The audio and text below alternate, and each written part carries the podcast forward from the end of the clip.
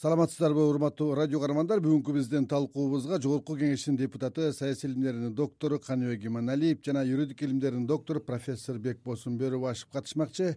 Каныбек иманалиев мырза э, бир аздан кийин биздин э, талкуубузга кошулаарын күтүп жатабыз. Анда биз э, маегибизди баштай берсек урматтуу бекболсун агай могу жогоруда кеп болгондой мына мурдагы депутат текебаев мурдагы министр чотоновдун э, соттук иштерине негизги күбө катары өтүп келген. Мына маевскийдин камалышы жаңы жагдайларды ачат.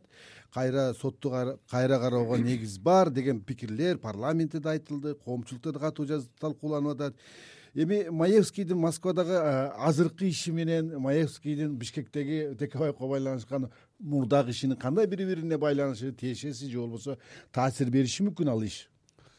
Саламатсыздарбы? Рахмат. Саламатсыздарбы урматтуу радио каармандар замандаштар. Чындыгында бүгүн өтө актуалдуу маселелердин бири көтөрүлүп атат да. Анткени кыргызстанда кыргызстандын коомдук турмушунун борборун саясий процесстер өтө ээлеп алган да ошон үчүн баягы ушул маселе көтөрүлүп атат бул биринчиден экинчиден болсо азыр өзүңөрдүн сурооңорго жооп бериш үчүн мисалы үчүн москвада биз билебиз баягы госдуманын мурунку депутаты леонид маевский он төрт он алтынчы ноябрда кармалып анан бир эки айга киргизиптир. Бирок ал иштер такыр башка иш да ошо россиядагы бир иштерди ачыкка чыгарбайм деп отуз жети отуз алты миллион доллар сураган деген ошол күнөө менен кармалып атат. Ошон үчүн менимче азыркы мына бүгүнкү маевскийди москвада россия федерациясында кармап э, күнөөгө тартып аткандыгын анан жанагы текебаевдин иши боюнча экөөнүн ортосунда эч кандай юридикалык байланыш жок. Эгерде биз мыйзам жолу менен кете турган болсок анда байланыштырыш өтө оор мүмкүн эмес. А эгерде жанагы саясий кызыкчылыкты биринчи орунга коюп ошо саясий баягы чайкоочулук менен кете турган болсок анда кыргызстанда баарысы боло берет ошол э, эгерде э, мисалы үчүн бир байланыштырсак э, маевскийди жанагы депутат шыкмаматов дагы айтып атат. Мисалы үчүн биз биз анын алдамчы экендигин биз ошондой жанагындай жалганчы экендигин далилдегенбиз. Мына эми мына далилденип атат депчи. Бир укуктук жактан мыйзамдык жактан илинчекти такыр эле жок дейсизби анда такыр жок. Азыр жерде мен көрүп атпайм да. Мисалы үчүн моралдык жактан айтышым мүмкүн адамгерчилик жактан айтышым мүмкүн. Бирок мыйзам боюнча баягы юридикалык факт деп коет ошол фактылардын негизинде гана мисалы үчүн эгерде азыр кайра көтөрө турган болсо анда бир жаңы ачылган шарт боюнча юридикалык бир фактылар чыгыш керек. Мисалы үчүн ошол иш боюнча. Текебаевдин чотоновдун иши боюнча чыгыш керек да ошонун негизинде кайра карап чыкса болот. А баягы мындан эки жыл мурун өзүнүн көрсөтмөсүн берген адам бүгүн москвадан кармалыптыр башка иш боюнча ошол боюнча кайра көтөрөбүз деген бул болбогон нерсе. Мыйзам неге эле ушул текебаевдин чотоновдун ишине байланыштуу бир жаңы жагдайлар барбы сиздин оюңуздачы кайсы жагынан ачса болот эгерде маевский менен байланышпаса түшүнүп атам кыргызстанда мен билгенден баягы азыр ушул баягы өзү соттолгон бир он эки миңден ашык киши түрмөдө отурат да. Ошолордун бүт баарысынын эле мүмкүнчүлүгү жок. Бирок кыргызстанда өзүбүздүн саясий элита аларда баягы бир элиталык өзгөчөлүк пайда болду да ошол кишилердин проблемасы дайыма көйгөйү дайыма көтөрүлүп келет да. Мисалы үчүн ошол текебаевдики чотоновдуку көтөрүлсүн аларга мен баягы баарысы эле аман эсен үйүнө кайтып келсин. Ошо жанагы башка талгарбеков деген бар садыр жапаровдор бар. Мына ушулардыкы дайыма көтөрүлүп келет да. Бул жерде мындай да баягы эгерде э, биз карай турган болсок бул жерде э, көтөрүп чыгыш үчүн жаңы шарттар пайда болуш керек. Ошого мыйзам жол бериш керек ошол убакта ушуларды көтөрсө болот ушул маселелерди кайра кайра карап чыкса болот анан. Жанагы э, булардын эми мүмкүнчүлүгү бар анткени бул жогорку кеңеште депутат болгон саясий партиянын башчысы мүмкүнчүлүгү бар булардын партиялаштары бар өнөктөштүктөрү бар. Мына ушулар кайра кайра көтөрүп атканын мен адам катары туура түшүнөм. Баягы таштап койбой өзүнүн партиялашын талаага таштап унутуп калбай ошону көтөрүп атканы туура бирок ошо мыйзам чегинде иштеш керек да эге эле мен ошону көрбөй атам да. текебаевдин чотоновдун ишинде мисалы үчүн саясий боек саясий шылтоо барбы сиздин оюңузда? Эми саясат деген мындай да. Мисалы үчүн азыр тиги каныбек капашевич келип жооп берсе жакшы болот эле. Ушу саясат боюнчачы. Анткени ал киши саясаттын доктору болуп атпайбы? Бийлик бар жерде бийлик бар жерде айрыкча мамлекеттик бийлик бар жерде саясий куугунтук сөзсүз болот. Муну атам замандан бери. Бул кечээкү эле кыргыздын тарыхы эмес. Дүйнөлүк тарыхты карасаңар деле ошондой да. Мына эмне аскар акаевичтин убагында болгон эмес беле. Болгон бакиевдин убагында болгон кийинки убактарда болгон мына бүгүн да болот эртең да болот совет заманындачы совет заманында болгон диссиденттер болгон да мисалы үчүн кетип калышкан мисалы үчүн сахаровду айталык ал мына азыркы биздин саясий туткунга караганда сахаровдуку бул туура болгон анткени сахаров саясий көз караш менен чыккан мисалы үчүн азыр э, мындай болбой эле койсун бирөө бирдемен бирөөнүн акчасын аферисттик жол менен уурдап алып алып алып тигинтип минтип алып анан баягы тиги жоопко тартыларды келгенде мен саясий куугунтук деп атпайбы а саясий куугунтук болуш үчүн ошо саясий мотив болуш керек. Саясий элемент болуш керек. Кылмыштачы. Ошон үчүн жанагы саясий оппозиция деген болуш керек оппозициядан дагы сүйлөшөлү. Мына э, депутат жанар акаев бүгүн э, парламентте дагы бир маселе көтөрүп бир э, документ ошол текебаевдин ишине байланыштуу жаңы жагдай деп мүнөздөп атат да. Муну аэронавигация кызматы чотоновду эки миң онунчу жылы сотто маевский айткан күнү ал тик учак менен ошко учкан маевский менен жолуккан эмес деп атат. Ушуга окшогон детальдар э, соттук ишти кайра кароого бир негиз болушу мүмкүнбү мүмкүн мындай болушу мүмкүн. Мисалы үчүн мына ошол убакта мисалы үчүн биякта экөө отуруп чай ичкен деп атат биякта болсо тиякта болсо эгерде документальный ошол туура болуп калса ал киши бишкекте болбосо башка жерде болсо мындай болушу мүмкүн. Факты бол эгерде факты болсо мына атамбаев э, президент болуп турган учурда саясий шылтоо менен соттолду деп э, сыпатталып жүргөн өзүңүз да белгилеп кеттиңиз. Э, талгарбеков жапаров асанов мырзахматов бабанов жана башка бир топ инсандар айтылып жүрөт. Аларды да кайра кароо керек деп атат да. Аларды да кайрадан бир жаңы жагдай түзүлдү деп атат.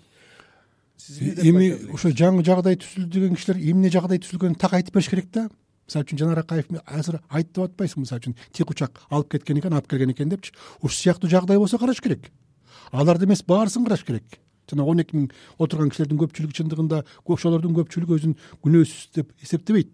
Балким ошолордун арасында баягы соттук ката кетип калгандар бар жөнөкөй эле баягы тиги э, бирөөнү күнөөлөп койгон адамдар бар. Ушундай бар да ошон үчүн бүт баарысын караш керек. Ал жерден мындай бөлүштүн кереги жок да мүмкүн алар каралып аткандыр. Бирок саясий айдынга чыгып бизге маалыматыбыз жоктур да. Бирок э, соттук практикада бул дайыма эле болчу нерсеби мисалы? Дайыма эле болчу нерсе. Эгерде ошондой болсо анткени мен билгенден ар бир баягы караланган кишинин соттолгон кишинин адвокаттары бар да.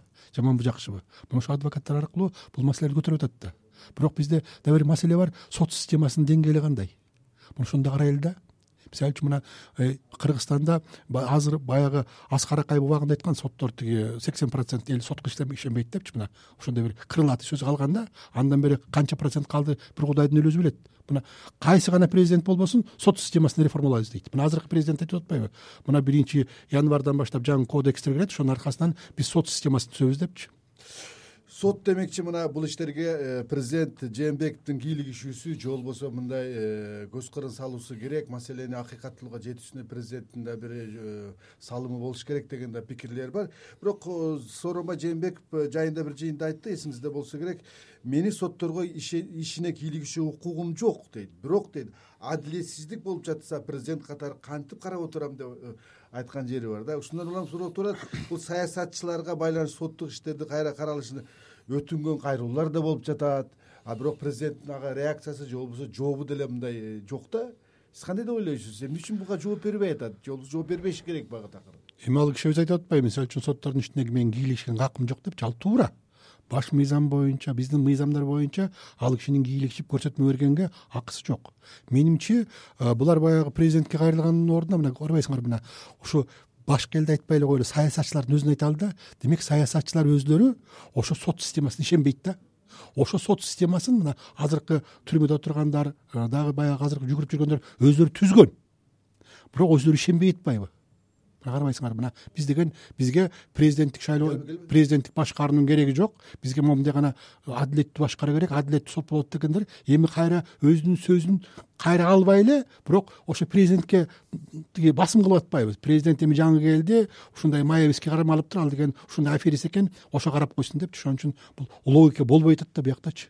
Ошон үчүн башында э, жалгыз эле сот эмес бүт саясий системаны туура түзүш керек. Мына биз силердин бүгүнкү темаңар абдан жакшы экен саясий куугунтук саясий туткун деп атпайсыңарбы саясат деген эмне? Ак үйгө кирип чыккандын баары эле саясатчы болобу? Же башка бир мааниси барбы? Мына биздин коллегабыз да келсе жакшы болот эле мисалы үчүн саясат деген бул мамлекеттин формасын анын милдеттерин кылган ишин аныктаган адамдардын тобу же адам саясатчы болот. Бул мамлекет мамлекеттик баягы тиги мамлекеттик саясатты аныктоо деген бар да. Бул бир жак экинчи жактан мына ошол эле э, эми баягы айтса айтыш керек ачыкчу. Айтпаса болбой калды да. Мисалы үчүн бизде мамлекеттин ички саясатын аныктаган ким? Андай киши жок. Жок бизде конституцияда бар да кимди аныктай турган таап берсеңер мен ошол жерден мен кечирим сурайм силерден андай жок. Биздин баш мыйзамда кыргыз мамлекети мындай деген сөз бар да мына биздин баш мыйзамдын биринчи беренесинин экинчи пунктунда экинчи пунктунда кыргыз мамлекети эгемендүү болуп өзүнүн саясатын жүргүзөт дейт. А саясатты жүргүзүү эки этаптан турат. Саясатты аныктоо анан ишке ашыруу ошол саясатты ким аныктайт? Ал баш мыйзамда жок да. Мына э, саясий оппонент оппозиция деп э, кеп кылганда биз дайыма бийлик тарабынан куугунтук жеп аткан адамдарды э, түшүнөбүз да. Бирок саясий оппонент оппозиция болгон топтор күчтөр дагы мыйзам тарабынан коргоого алыныш керекпи? Алыныш керек ал кандай мыйзам негизинде мен ошо жолдор менен алыш керек? абдан туура суроо. Мисалы үчүн ушу мен текебаевден сурайт элем да. Эмне үчүн убагында мына азыр тиги иманалиев келет каныбек капашевич мен ушулардан сурайт элем да. Эмне үчүн өз убагында булар саясий оппозиция жөнүндөгү мыйзамды кабыл алган эмес. Эмне үчүн баш жанагы тиги туура баш мыйзамдын жетимишинчи беренесинин үчүнчү пунктунда оппозиция саясий оппозиция жөнүндө парламенттик оппозиция бул саясий оппозиция болот да. Ошол жөнүндө жобо бар. А бирок бирок булар мындай э, мен билем он биринчи жылы иштелип чыккан да мен да катышкам. Ошондон бери жети сегиз жылдан бери алышпайт да эми өздөрүнүн башына керек болгондо жүгүрүп жүрүшөт мына карабайсыңарбы кыргызстанда саясий оппозиция жөнүндө мыйзам жок. Элдик курултай жөнүндө мыйзам жок. Анткени алар бийликке келишкенде аларга кереги жок болуп калган. А эми качан баягы тиги этегине чок түшкөндө жүгүрүп жүрүшөт да?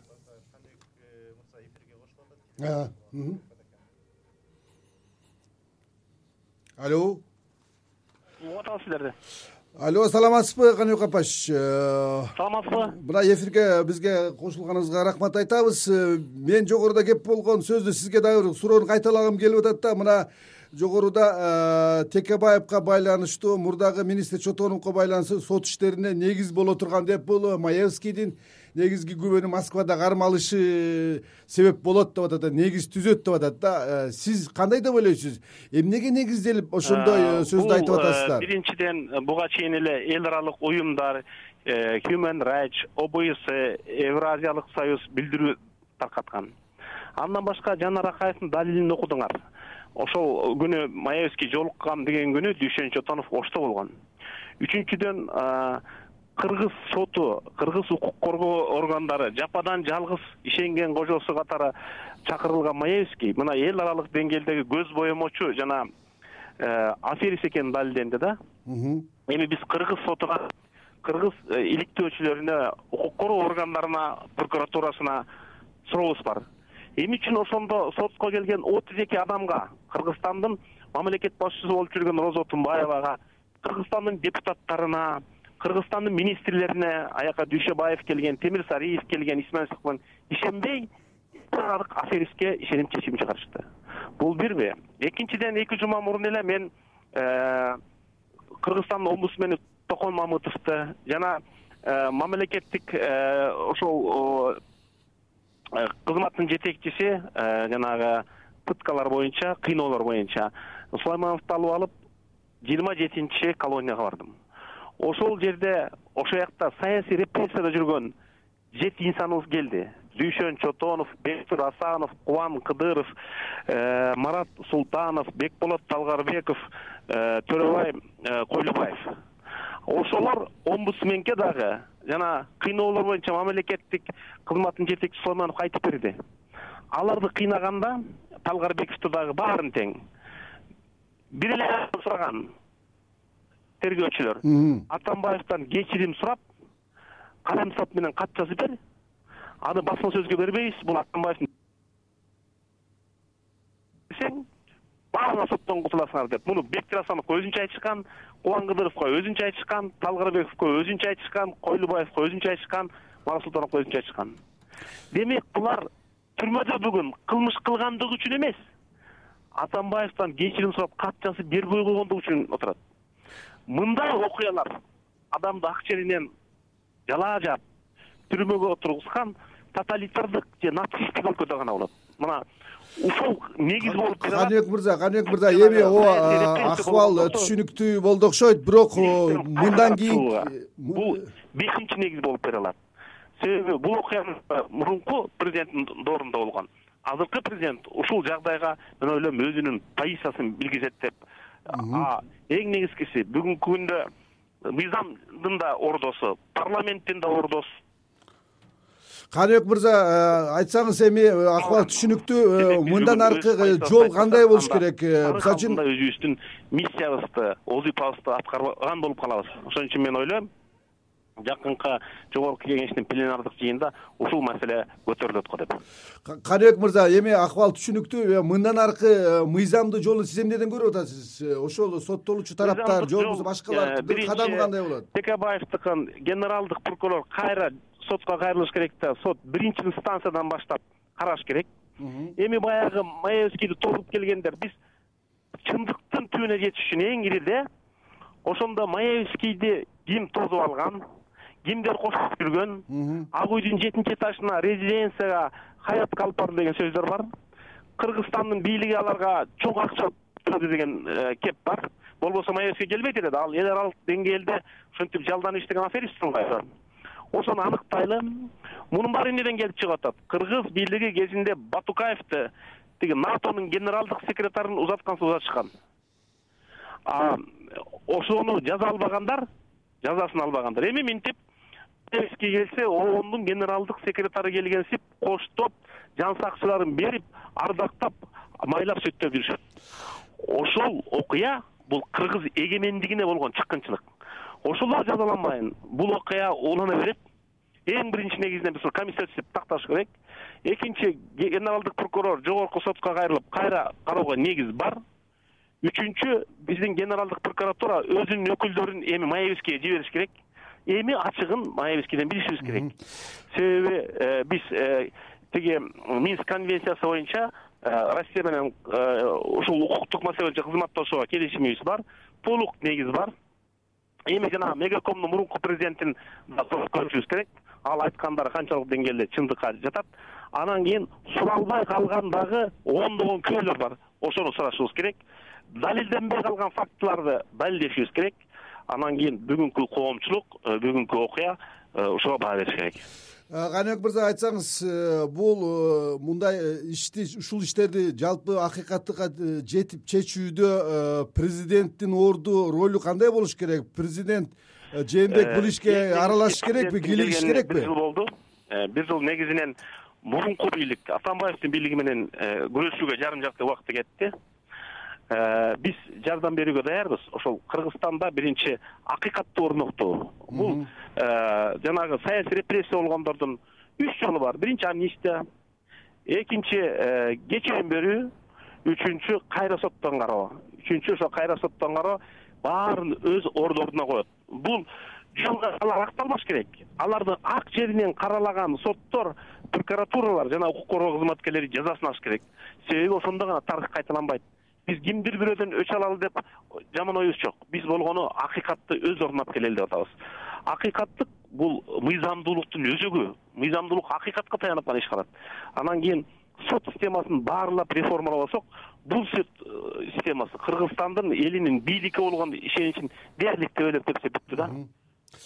Рахмат э, бекболсун агай мына жогоруда айтылды э, бул маселени чечүүнүн бир дагы бир жолу мына президент тарабынан бир ушул саясий мындай боек менен соттолгон адамдарга бир мунапыс берүү жолу депчи бул канчалык бул э, мыйзамдуу боло алат э, канчалык бул туура жол деп ойлойсуз эми мунапыстын өзүнүн жолу бар да.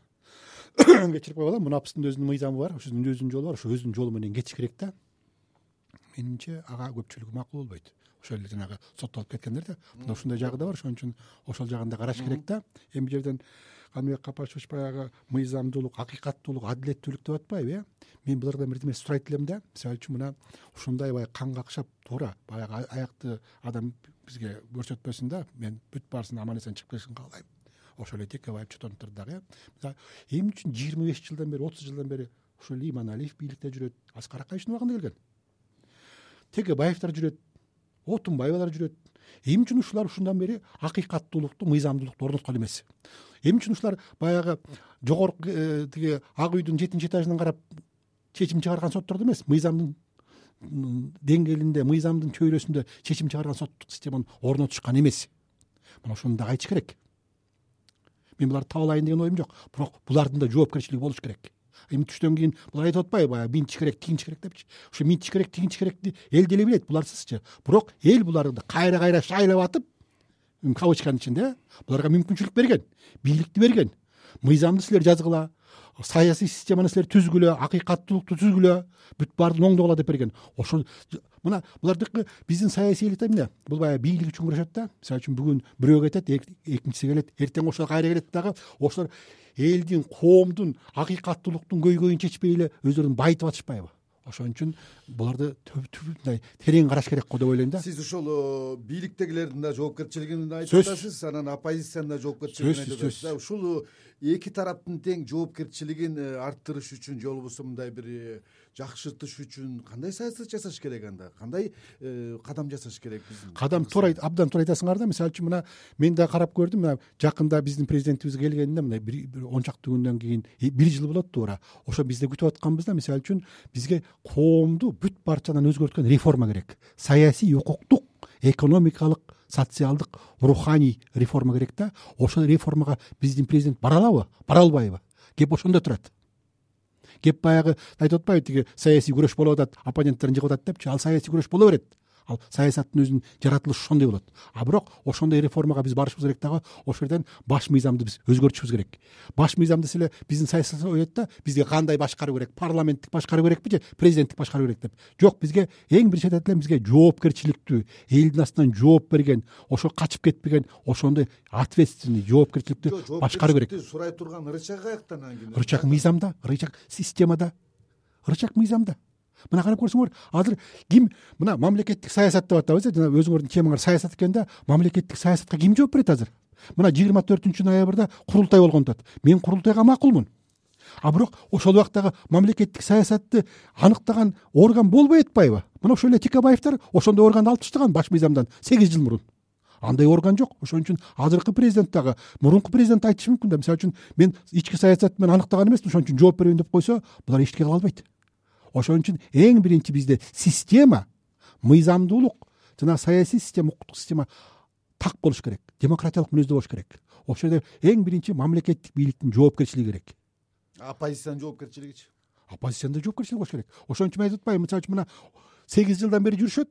Мына эмне үчүн эң чекти сегиз жылдан бери. Эмне үчүн оппозициялык кыймыл жөнүндө мыйзамды кабыл алышкан эмес. Эми түштөн кийин ыйлактап атышат. Эгерде ошо оппозициялык кыймыл жөнүндө мыйзамды кабыл алса ошол жерде ким оппозиция боло алат? Ошонун белгисин берсе ошонун иштерин так көрсөтсө анан ошону коргой турган механизмди берсе айтат элек мына могу оппозициялык мыйзамдын негизинде мыйзамдын бузулганын негизинде соттолду бул деген саясий туткун деп айтсак болот эле да а бул айта албай атабыз рахмат урматтуу радио каармандар бүгүн биз өткөн бийликти ушундай саясий шылтоо менен жазаланды деп деген саясатчыларга болгон сот иштерин кайра кароого негиз барбы болбосо түрткү барбы деген темалардын тегерегинде кеп кылдык. Бүгүнкү биздин талкуубузга жогорку кеңештин депутаты каныбек иманалиев жана юридик илимдердин доктору бекбосун бөрүбашев катышты. Берүүнү мен бакыт орунбеков алып бардым. Кайрадан эфир аркылуу жолукканча саламатта калыңыздар